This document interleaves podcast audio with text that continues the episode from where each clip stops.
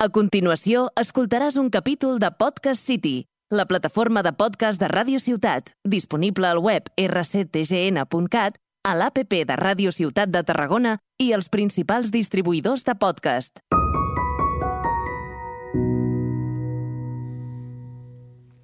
Quan penso en mon pare em venen dues coses al cap, la música i el pensament. A vegades són el mateix, a vegades són la mateixa cosa o comparteixen molts trets en comú. Penso que les lletres ens fan reflexionar, però sovint les cantem sense aturar-nos a escoltar el que realment ens volen dir. Xapes musicals va d'això, de parar un moment i veure el que ens expliquen les cançons. Som-hi!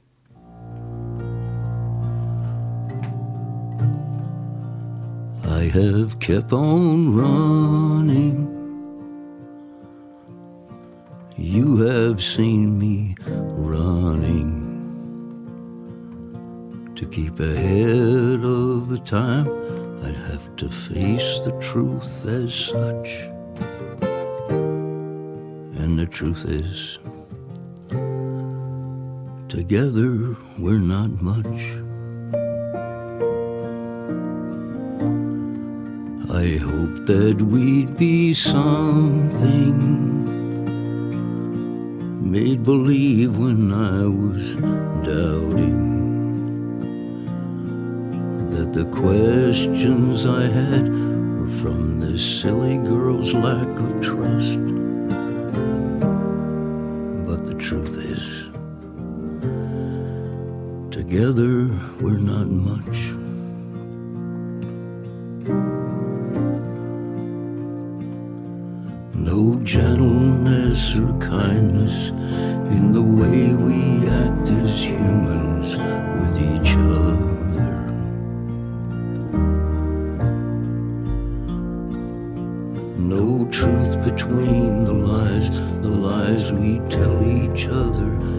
Just to keep it going.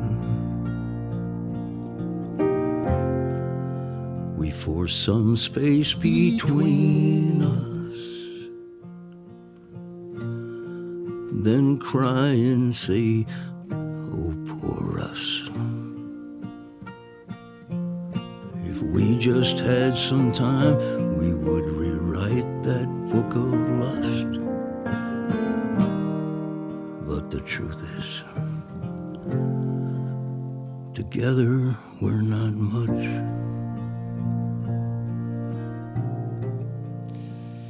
Aquesta és una cançó de Chip Taylor que es diu Together We Are Not Much. Junts no som massa cosa. El que ens ve a dir el Chip és que no hi ha amabilitat entre els humans i que som una colla de mentiders, o sigui, ens fot un, un retrat guapo, guapo. També explica que per algun motiu ens hem distanciat els uns dels altres i que ens lamentem quan ens adonem que realment al final estem sols. Arribats a aquest punt, us haig de confessar que a mi tot el tema del simbolisme, de les figures retòriques, metàfores i tal, em costa una mica. Per tant, per fer aquest podcast, doncs m'he hagut d'informar. El primer que vaig fer fàcil va ser buscar a Google exemples de metàfores, per començar una cosa senzilleta. I el que em vaig trobar em va sorprendre bastant. Em vaig trobar una, atenció, lista completíssima d'ejemplos de metàfores. O sigui, una llista que jo entenia que allà hi havia, mm, vamos, la bíblia de les metàfores de la llengua espanyola. Eh, el que em va sorprendre més, però, va ser que, hosti, no la publicava la Real Acadèmia de la Llengua, ni cap institució de la llengua espanyola així important, sinó que la publicava un conegut diari esportiu. Hòstia, i, i això em va sobtar bastant. A mi m'agradaria llegir-vos res, super ràpidament, un parell d'exemples perquè anem entrant en matèria d'aquesta superlista completíssima de, de metàfores. El primer exemple que ens deixa la lista és Les perlas de tu boca brillan con luz propia. Perles igual a dientes, entre parèntesis. Vale? No és que la persona tingui una botiga de bisuteria barata dins de la boca, sinó que té pues, que les perles s'assemblen a les dents, d'aquí el símil. Un altre. Quiero eliminar el agua de tus ojos.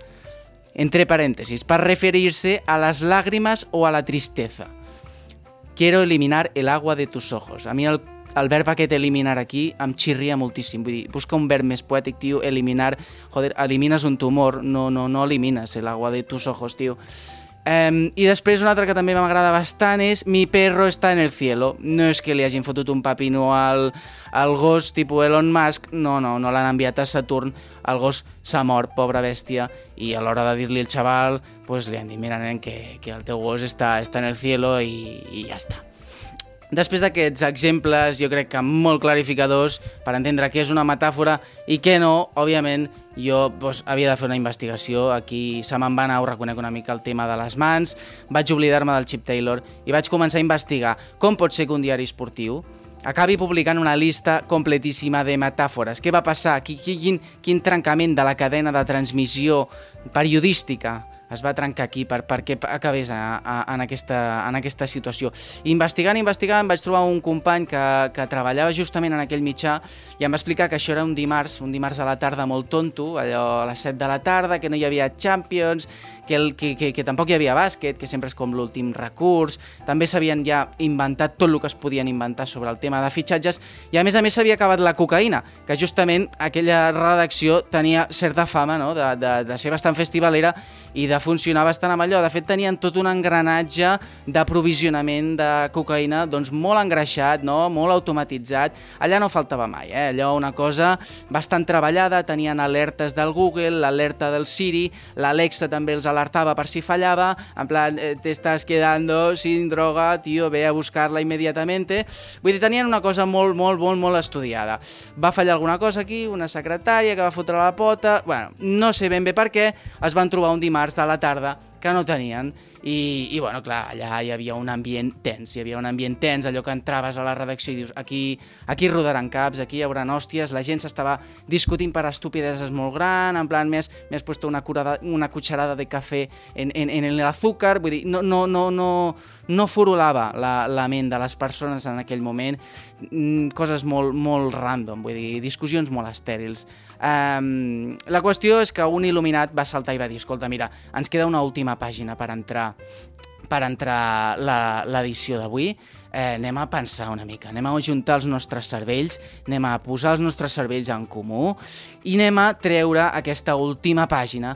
Per tant, tal qual acabem, podem fotre el camp d'aquí a comprar farlopa amb els nostres patinets elèctrics, perquè, mm, parèntesi, no se sap ben bé per què, i mm, la gent aquesta anava a comprar droga doncs, amb patinets elèctrics. Era una cosa que, que, que la gent ja ni preguntava. Vull dir, era una cosa que estava molt naturalitzada, tenien com una espècie de, de pàrquing allà baix a la redacció, amb tot de patinets, i quan havien d'anar a comprar-ne, doncs pillaven, pim-pam, rotllo manada de, de, del documental de la 2, eh? en plan, van a per la Gacela Thompson, la droga seria la Gacela, jo què sé, no sóc eh, biòleg biòleg, no sóc zoofílic o el que sigui que estudia aquestes bèsties. Bueno, la qüestió és que tots li van fer cas al savi, el savi, que se li començava ja a baixar, a baixar el mono i començava a tenir una mica de lucidesa, potser era el més lúcid de, de l'equip en aquell moment, i van dir, va, doncs sí, fem-li cas. Uh, la primera idea que va sortir no va agradar massa, va sortir un tio en plan, bueno, jo vull proposar que, mira, podem fer un article, un article a l'última pàgina, un article eh, sobre eh, futbol femení, futbol femení, article a l'última pàgina, no? Bueno, eh, el tio no furolava bastant, i, i la gent no se'l va prendre massa en sèrio. Em van dir, tio, vés a, a pagar una dutxa, mm, agafa una manta, tio, t'està pagant el mono molt fort, t'estàs desfent la cara, la, la teva cara ara mateix és un autèntic quadre, eh, no se la van prendre en sèrio. Vull dir, en aquella redacció no concebien no? que una persona amb la seva plenitud de facultats mentals pogués proposar de fer un article sobre esport femení. No, no els hi entrava al coco. La segona idea que va sortir ja va ser un altre, un altre encaix, ja va agradar una mica més. Va sortir un becari, un xaval així tot majo, que va dir, escolta, mira, eh, la Cel està aquí a tocar, eh, tenim molts lectors joves, per què no fem una llista completíssima de metàfores que la xavalada pues, ens ho agrairà, hòstia, perquè aniran preparadíssim a l'examen i pues, avui publiquem la llista de metàfores, demà publiquem la llista de catàfores i demà passat la llista de les paradoxes. A mi què m'expliques? Jo què sé. Um, la qüestió és que, eh, bueno, aquí la redacció ja estava a un punt una mica crispat, la gent estava molt agobiada, hi havia un, un, un, un mono ja violent, una cosa xunga, eh, i la gent com que malentenia tota l'estona el que s'estava dient, i aquí es va generar una espècie de malentès. No? La cosa és que la redacció, majoritàriament, el que va entendre és que el becari aquest deia que era nebot del Chapo Guzmán i que, a canvi de que li publiquessin la llista completíssima de metàfores, doncs els hi donaria cocaïna gratuïtament. Bueno, el pobre xaval no va dir res en cap moment del Chapo Guzmán ni de la droga. La gent va entendre el que li va donar la real gana perquè estaven tots ja desquiciats amb una salivera que no s'aguantaven. La qüestió és que van acabar publicant la llista completíssima de metàfores i aquí és on vaig poder descobrir doncs, que realment va acabar així la cosa, no? que, que el, el fet pel qual en aquell diari esportiu s'havia publicat la llista completíssima de metàfores no era altre que aquest. Però aquí no s'acaba la història, sinó que va entrar al cap d'una estona el cap de redacció, el, el jefe del diari, per dir-ho així, que venia de jugar a pàdel. Aquí fem un petit parèntesi. El, els, els jefes dels mitjans de comunicació acostumen a ser persones molt tranquil·les, molt sossegades, molt assertives, allò que parles amb ells i dius, hòstia, hòstia quin bon rotllo, no? Quin, quin, quin bon clima m'estàs donant, em dius les coses d'una forma dialogada, pausada, eh, tio, màxim bon rotllo. Eh, i, I, bueno, amb el bon rotllo que el caracteritzava, quan va veure l'última pàgina del diari amb la llista completíssima de metàfores, doncs, bueno, amb molta tranquil·litat, molta pausa, va agafar la raqueta de pàdel, que encara duia a la mà, i li va introduir pel recte a, al, al becari, al pobre becari, i acte seguit, doncs, també el va fotre fora d'una pata del cul, però molt assertiva, eh? Una cosa molt, molt, molt tranquil·la i molt, i molt pausada, la veritat. I bueno, aquí s'acaba la història del nostre becari, però el fotut de tot plegat és que ningú va dir ni mu, ningú va dir, hòstia, això ha sigut una decisió que hem pres tots, no?, aquí a la redacció. Ha estat una decisió conjunta i no és just que el becari pringui per tots. I una mica jo crec que això és el que, el que ens deia el Chip Taylor en la seva cançó Together We're Not Much. Que junts som una merda, però que segurament separats som una merda més gran. El Chip Taylor el que ens parla és de l'individualisme que tenim tan interioritzat que ni ens adonem que estem sols, de fet. També el, el Taylor ens diu que si tinguéssim una miqueta de temps, re, una estoneta, doncs poder, seríem capaços de, de, de refer el camí d'ambició que ens ha portat fins a aquesta soledat. Una ambició que jo penso que ens han inculcat des de petits. No? Aquesta necessitat de ser i de tenir el millor eh, que jo crec que hem acabat confonent amb, amb la cerca de la felicitat. Pensem que estem super a prop de, de la terra promesa aquesta del capitalisme, de riquesa i tal, i que l'únic que necessitem doncs, és currar una mica més, canviar una feina millor, o jo què sé, o pensar una app super revolucionària que ens, que ens forri. Pensem que tenim la terra promesa a tocar i el camí per arribar-hi, això és lo fotut, és mirar pel nostre benefici única i exclusivament. Això és el que ens diuen des de, des de petit. Aquesta és la gran mentida del capitalisme, és la gran mentida que ens ha ensenyat aquest sistema i, hòstia, ens l'hem menjat, ens l'hem menjat amb, amb patates, jo diria. Però el fotut de tot plegat és que els poderosos no, no et diran que, que l'individualisme doncs és dolent. Tot el contrari, et diran que és la manera d'arribar doncs, a tenir un estatus i de més.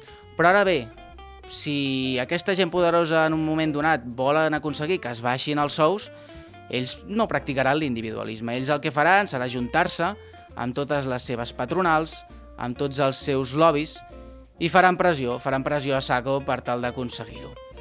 Jo penso que al final, mira, són més sindicalistes els de la COE que segons quins sindicats. I al final queda que l'individualisme és pels pobres. Aquesta és la reflexió que ens podríem quedar avui i penso que us podria servir a tots per pensar una mica. No vull ser pretensiós, però, hòstia, està de puta mare aquesta reflexió. Eh, jo el que vull fer és marxar, marxar amb una cançó de The National que es diu Light Years. Aquesta cançó ens diu que som a anys llum els uns dels altres. Jo crec que ens n'hem de donar d'això i que hem d'aconseguir retallar aquesta distància. Hosti, busquem la felicitat junts i deixem-nos de fer el panoli en aquesta vida. Va, vinga, fins la propera.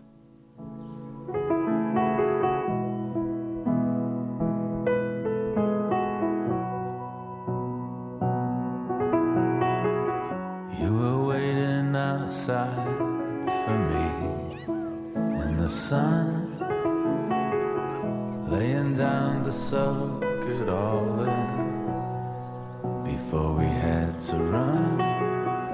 I was always ten feet behind you from the start.